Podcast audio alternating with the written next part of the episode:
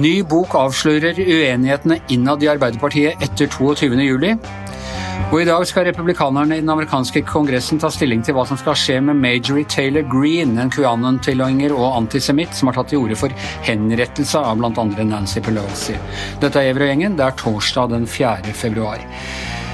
Uh, ja uh, Halvard Notaker, historiker. Uh, gammel medstudent av deg, Hans Petter Sjøli. Det stemmer. Ja, har uh, skrevet en bok om, uh, om, Arbeiderpartiet og om hva som skjedde uh, innad i Arbeiderpartiet etter den 22. juli. Og han har også skrevet en kronikk hos oss uh, i dag. Hva, kan du bare si, kort oppsummere hva som er hovedpunktene her? Ja, jeg kan i hvert fall si det som er i kronikken. Uh, nå kommer Hanne Skartvesen som senere kommer inn her. Jeg sitter faktisk og leser boka, det har ikke jeg gjort. da.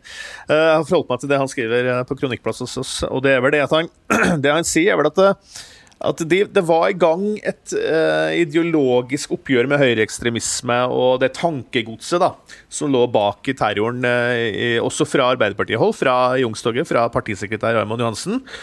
Uh, men at det ideologiske oppgjøret ble på en måte avlyst ganske fort ved at Uh, eh, SMK, statsminister Jens Stoltenberg uh, tok, SMK er statsministerens kontor? Ja, statsministerens kontor Jens Stoltenberg tok da kontakt med, med Raymond Johansen og, og, og, ba om at uh, videre utspill rundt 22.07 skulle koordineres fra, fra SMK. da.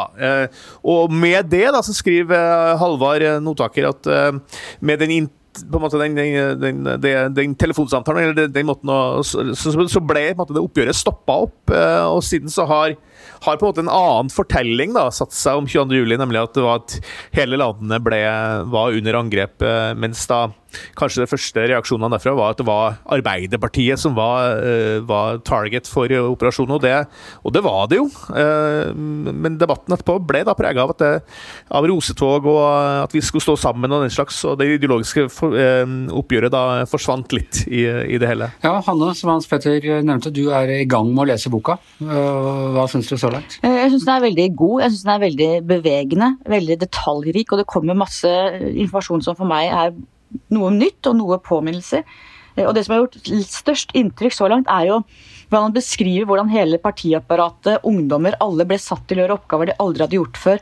De måtte opprette eh, et eget rom hvor de ansatte kunne gråte innimellom at det var det å skulle ringe opp folk. Han beskriver listene eh, hvor de skulle ringe til familier, ikke sant? med hvor det sto liksom her må vi ringe bare til mor, her er det eh, vonde forhold mellom mor og far, her er det sykdom. Han kaller det da verdens vondeste telefonkatalog. Det er veldig bevegende og beskriver bl.a. en ung AUF-er som da aldri har vært i begravelse før, og i løpet av en sommer da var det fire begravelser, alle under 21 år. Ja, Det er rett og slett en, en, gjennomgang og en veldig godt beskrevet historie om Arbeiderpartiet og alt det som skjedde med AUF den sommeren. Et angrep på oss alle, det uh, var en av de formuleringene Jens Stoltenberg uh, brukte rett etterpå. Den var da egentlig, tror jeg, formulert av vår gamle kollega og venn Hans Christian Amundsen, som nå dessverre er død, som jobbet for Jens Stoltenberg den gangen. Og den ble på en måte retningsgivende etterpå.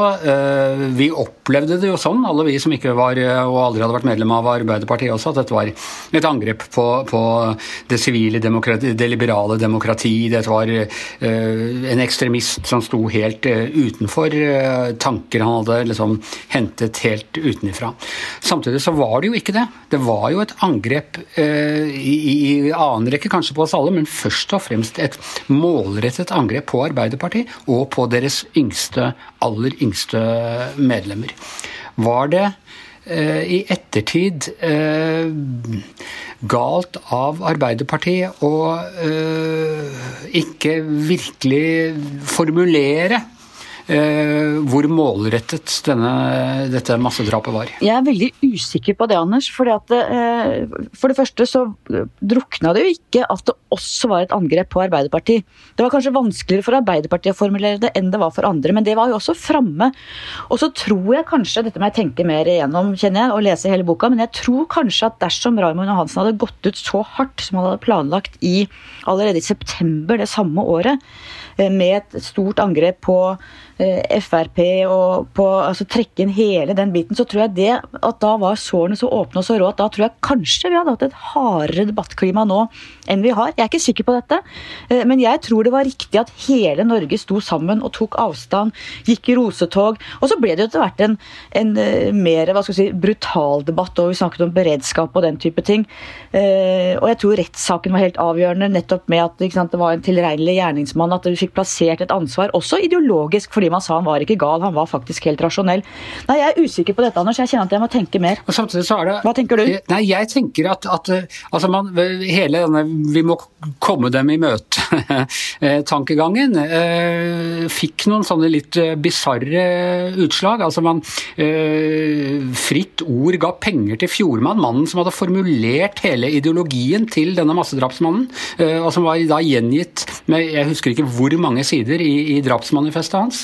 Eh, jeg ser Redaktørforeningen har nå en sak om hvorvidt de skal kaste ut Hans Rustad eh, fra, fra dokument.no, som vi, vi, vet var et sted som eh, massedrapsmannen frekventerte kommentarfeltene til, og til og med deltok på møter hos.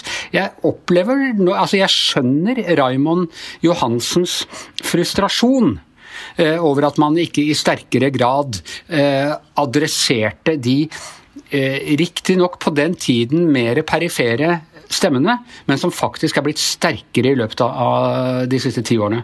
Hva tenker du Hans Petter? Ja, jeg er jo litt enig med deg det, altså det, var, det, det, som var så rart, var jo at, at uh, Ramen Hansen drev jo, skrev kronikker om det her. Og sånn, ikke sant? Og, og, så ble det jo en konfrontasjon. da, Per Sandberg fra Frp tok jo sto på Stortingets uh, talerstol og, og advarte mot å dra 22. juli-kortet og sånn. og da, da, ble det jo en, en debatt, en ganske hard debatt, hvor, hvor, Per Sandberg til slutt måtte ut og beklage det der. Så, så at, men, men jeg, jeg tenker jo liksom at jeg tror nok at en del folk i Arbeiderpartiet Eh, sett i ettertid da, skulle ønske at det delen av debatten ble viktigere i etterkant. At de, at de aldri fikk liksom helt sjansen uh, Et mer liksom grunnleggende oppgjør med, med, det som befinner seg ut, liksom, ut i ytter, helt i ytterkanten av, uh, av høyresida. Og, og, at det da drukna litt i hele den stå sammen og roser og alt det der. At, at, det, at det, kanskje også var, har vært med på, liksom,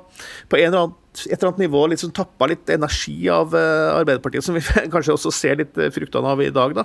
Jeg, vet ikke, jeg syns det her er veldig vanskelig å snakke om, kjenner jeg, når jeg, snakker om det, fordi det er så følsomt. Men, men jeg forstår i hvert fall veldig godt at noen i etterkant tenker jeg at søren, vi gikk glipp av en mulighet her til, til å virkelig ja, ta et fundamentalt oppgjør med en del tankegods som, som dessverre da har fått enda mer fotfeste med åra. Og vi har altså, Dette var perifere tanker den gang. Noen av oss hadde vært litt borti det fordi vi hadde frekventert kommentarfelt og litt sånn det, det, dypere nettet. Veldig mange av den typen argumentasjon det finner du ganske høyt opp i, i overflaten nå. Det er en massebevegelse i USA som mener ting som ikke står så fjernt fra, fra Anders Behring Breivik. Vi skal snakke om hun kongressrepresentanten som tok til orde for å henrette henrette Nancy Pelosi og andre Demokratene. Ehm, PST har tidvis sidestilt eh, faren for høyreekstrem terror med faren for eh, islamistisk terror. Eh, samfunnet har ikke gått Altså, det jeg tenker han er Det virkelig vonde spørsmålet er har eh, massedrapsmannen til en viss grad lykkes med å skade Arbeiderpartiet. Begynte Arbeiderpartiets nedtur eh, med 22.07, når vi liksom etter, etter rosetogene og sånne ting, men, men fra hele den eh, rapporten om eh, ansvar og sånne ting, var, mistet de eh, noe av offensiven sin og noe av grepet sitt etter det? Det er et veldig vondt og veldig vanskelig spørsmål. Eh, det er klart, For det første så mistet jo veldig veldig mange av sine eh, unge talenter. Og ikke bare de som ble drept eller ble skadet, men på en måte hele partiorganisasjonen, alle uh, de emosjonelle lidelsene, uh, forhold mellom mennesker.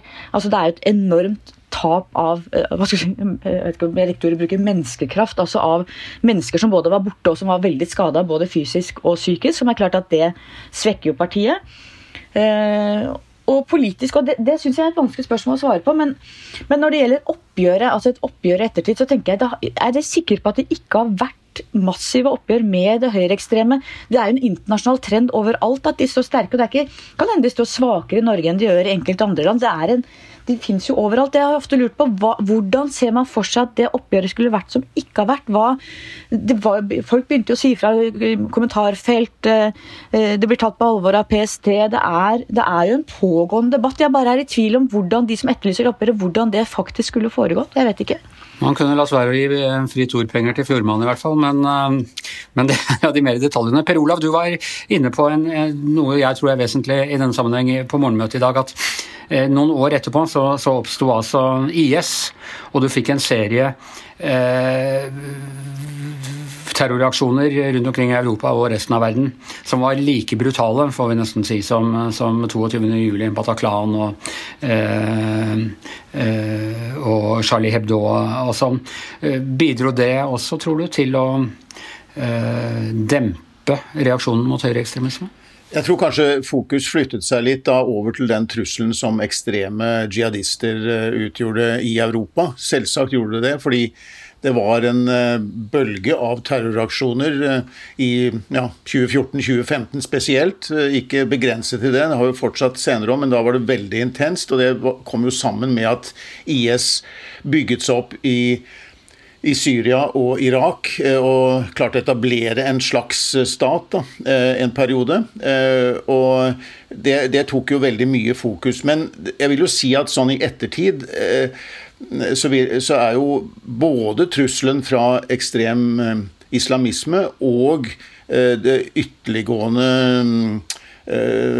ekstreme høyre radikale krefter er på en måte Man er veldig oppmerksom på begge deler. Og er, det er krefter på ytterfløyene i politikken som er villige til å bruke vold for å fremme sine saker i direkte strid med det demokratiet, liberaldemokratiet og alt det står for. Og det store, hva det store flertallet også da mener. Hans? Det, det, har jo vært en, en, diskusjon, eller det er en pågående diskusjon eh, i dag også. ikke sant? Mange i Arbeiderpartiet reagerer på Erna Solberg, som har brukt sånne, sånne begrep som eh, Jeg ville ikke brukt de ordene og sånn når, når enkelte ytterliggående, eh, altså litt mer skal vi si, friskuser på Frp-fronten, sånn type Amundsen, uh, Tybring-Edde, sånn, når de sier ting, så, så, så, mener de da at hun har leg legitimert ganske ytterliggående ting. Men jeg tror ikke Norge er ikke det, det viktigste her. altså Se til USA, altså. Det som er faren med når du slipper inn Når du, du på en måte legitimerer ytterliggående eh, ekstreme ting. Sant? Det, det, republikanske partiet i USA nå er jo, er jo tar jo ikke engang et ordentlig oppgjør med altså de villeste, mest sprut gærne konspirasjonsteoriene eh, om at eh, og Vi skal jo snakke om hun kongressdamen etterpå, nå, men, men altså på en måte Har vi satt ned de ordentlige liksom, gjerdestolpene og sagt at det her det, det, kan vi bare ikke ta inn i den politiske diskursen. Det, det, lurer jeg litt på. Jeg mener nok at vi langt på vei har gjort det i Norge. og jeg mener Et godt eksempel er jo da Sylvi Listhaug kom med sine konspirasjonsteorier, hvor det ble massiv motbør, og hun ble virkelig satt på plass både av det politiske Norge, av offentligheten, av alle. Så jeg er nok litt uenig med det. Nå snakker du da hun sa at, de, at Arbeiderpartiet løp terroristenes ærend, ja, eller ja. Ja, Det var ikke egentlig en konspirasjonsteori, men men en litt drøy politisk påstand. Ja, ja Men fyrte opp under det som var konspirasjonsteorier ja, ja. der ute. Forstått enig, jeg er enig i det, Hanna. Altså, det, det, var jo en resolutt eh, behandling fra, fra, fra eh, Høyre på natten der. Det, det, her, det her godtar vi ikke. Sant? Satt, satt så, så, så, i, Norge, altså, poenget, I Norge har vi kommet ganske langt, men i, altså, internasjonalt så ser vi en del ting som jeg syns er ganske foruroligende, og spesielt i det som har skjedd i USA de siste fire årene. Vi må også gi Sylvi Lysthaug det at hun satte jo også nå eh, selv ned en, en grensestolpe mot de nasjonalkonservative for en stund siden. Og har fått mye, mye pepper for det. Så til de grader, ja. altså. Så, ok, eh, Per Olav, eh, tiden vår løper her, men, men eh, bare altså Major Taylor Green, hun mener, har ment Nå er nok, jeg er ikke helt sikker på om hun har skrevet sine egne Facebook-statuser og sånn lenger, men inntil for to-tre år siden så hevdet hun at skogbrannene i eh, California var startet av bl.a. laser, noen lasergreier fra eh, Rothschild-familien. Hun har tatt til orde for eh, henrettelse eller klikket like på sånn oppfordringer til å ta livet av bl.a. Nancy Pelosi og andre demokratiske ledere. Hun, man skal nå diskutere Hun er valgt inn i Representantenes hus. Eh, i Kongressen i USA, og republikanerne skal ta stilling til i dag hva som skal skje med henne. Hvordan står den saken nå? Ehm, de, ehm, det kommer til å bli en avstemning senere i dag eh, om hun skal få beholde sin plass i disse komiteene. Den ene komiteen er jo utdanningskomiteen. Ehm, og Eh, hun sitter også i den budsjettkomiteen. Dette med utdanningskomiteen er spesielt omstridt, fordi at hun har jo bl.a. påstått at skoleskytinger ikke har funnet sted. At det er, at det er eh, fakede eh, hendelser. Altså for å få til våpen. Hun tror altså at 22. Juni, nei, 11. september ikke har funnet sted, eller at det er ja. ja. Hun har spredd eh, rasistiske, antisemittiske og islamofobe uttalelser eh, og, og, og, støttet opp om uh, konspirasjonsteorier som QAnon, Pizzagate eh, ja, og alt dette med 9-11 osv. Så, eh, så hun slettet noen av disse postene, og så skal hun da i et, bak lukkede dører sammen med republikanske hele den gruppen i representanthuset, ha da Eh, tatt avstand fra QAnon og trukket tilbake oppfordringen til vold mot demokrater. Og etter det møtet eh, så har republikanerne sagt at de ikke vil frata henne disse komitépostene. Eh, og da har jo demokratene sagt at vel, da blir det en avstemning eh, i dag. Og der har vi, jo, som vi vet, demokratene 221 plasser, republikanerne har 211. Det er nok med rent flertall. Eh, og det er også noe som Så Da blir hun altså kasta ut fra komitéarbeidet? Ja, da ja. blir hun liksom bare komitéløs representant eh, i, eh, i, Kongressen? Ja, For å kaste ut en representant fra forsamlingen så krever det to tredjedels flertall. Det er, finnes nok ikke der. Eh, men eh, jo, hun, har disse, hun har nok sagt dette i, bak lukkede dører, men samtidig så fortsetter hun å si at uh, de virker, altså Hun ble jo kalt en kreftsvulst av senator Mitch McConnell i Det republikanske partiet. Han er republikansk leder, altså. Uh, og, og, men hun sier at uh, den virkelige kreftsvulsten i partiet er de svake republikanerne som bare vet hvordan de kan tape med stil. Donald Trump vet jo i hvert fall ikke hvordan han kan tape med stil, men det har vi jo sett demonstrert. Og hun stå, sier at hun aldri vil gi seg og aldri vil be om unnskyldning og startet pengeinnsamling fordi at hun er utsatt for disse forferdelige angrepene fra demokrater. Det er den offerrollen som også Trump har spilt. Og hun sier at Trump står 100% bak henne. Trump og hans leir har ikke sagt så mye, men, men det sier hun i hvert fall. Dette er en kamp om det republikanske partiets sjel, tror jeg, og det republikanske partiets framtid. Um, sånn som nei, Kevin McCarthy, leder for dem, deres leder i, i, representanthuset, han prøver å holde alle, lei, alle sammen i, innenfor partiet. Både de som er helt på ytterste ytterste høyre fløy, og de mer tradisjonelle republikanerne. Og så er det en del andre som da nok opponerer mot det, og vil ta dette oppgjøret og sette ned noen grensestolper, sånn som det vi snakket om tidligere i sendingen her. Dette viser jo bare hvilket moralske igjen, hvilket moralske konkurs på det republikanske partiet er, hvordan de ikke har klart å ta nødvendig oppgjør gjennom disse siste fire årene, og nå betaler de en høy pris for det. Og så sier det litt om verdenssituasjonen og, og politikk i Vesten at vi i det hele tatt sitter og diskuterer det her en dame som påstår at 11.9 eh, ikke fant sted, og at eh, skoleskytingene i USA er dikta opp, og, og, som har sine forsvarere også her i Norge. Sånn har det blitt. Ikke noe, ikke noe, å gjøre med det, holdt jeg på å si. Det er det selvfølgelig. Men eh, vi får ikke gjort noe mer i dag. I hvert sitt hjemmestudio, Per Olav Ødegaard, Hanne Skartveit, Hans Petter Sjøli, jeg heter Anders Giæver, og mannen som bevarer fatningen gjennom disse sinnssyke tider, er vår produsent Magne Antonsen.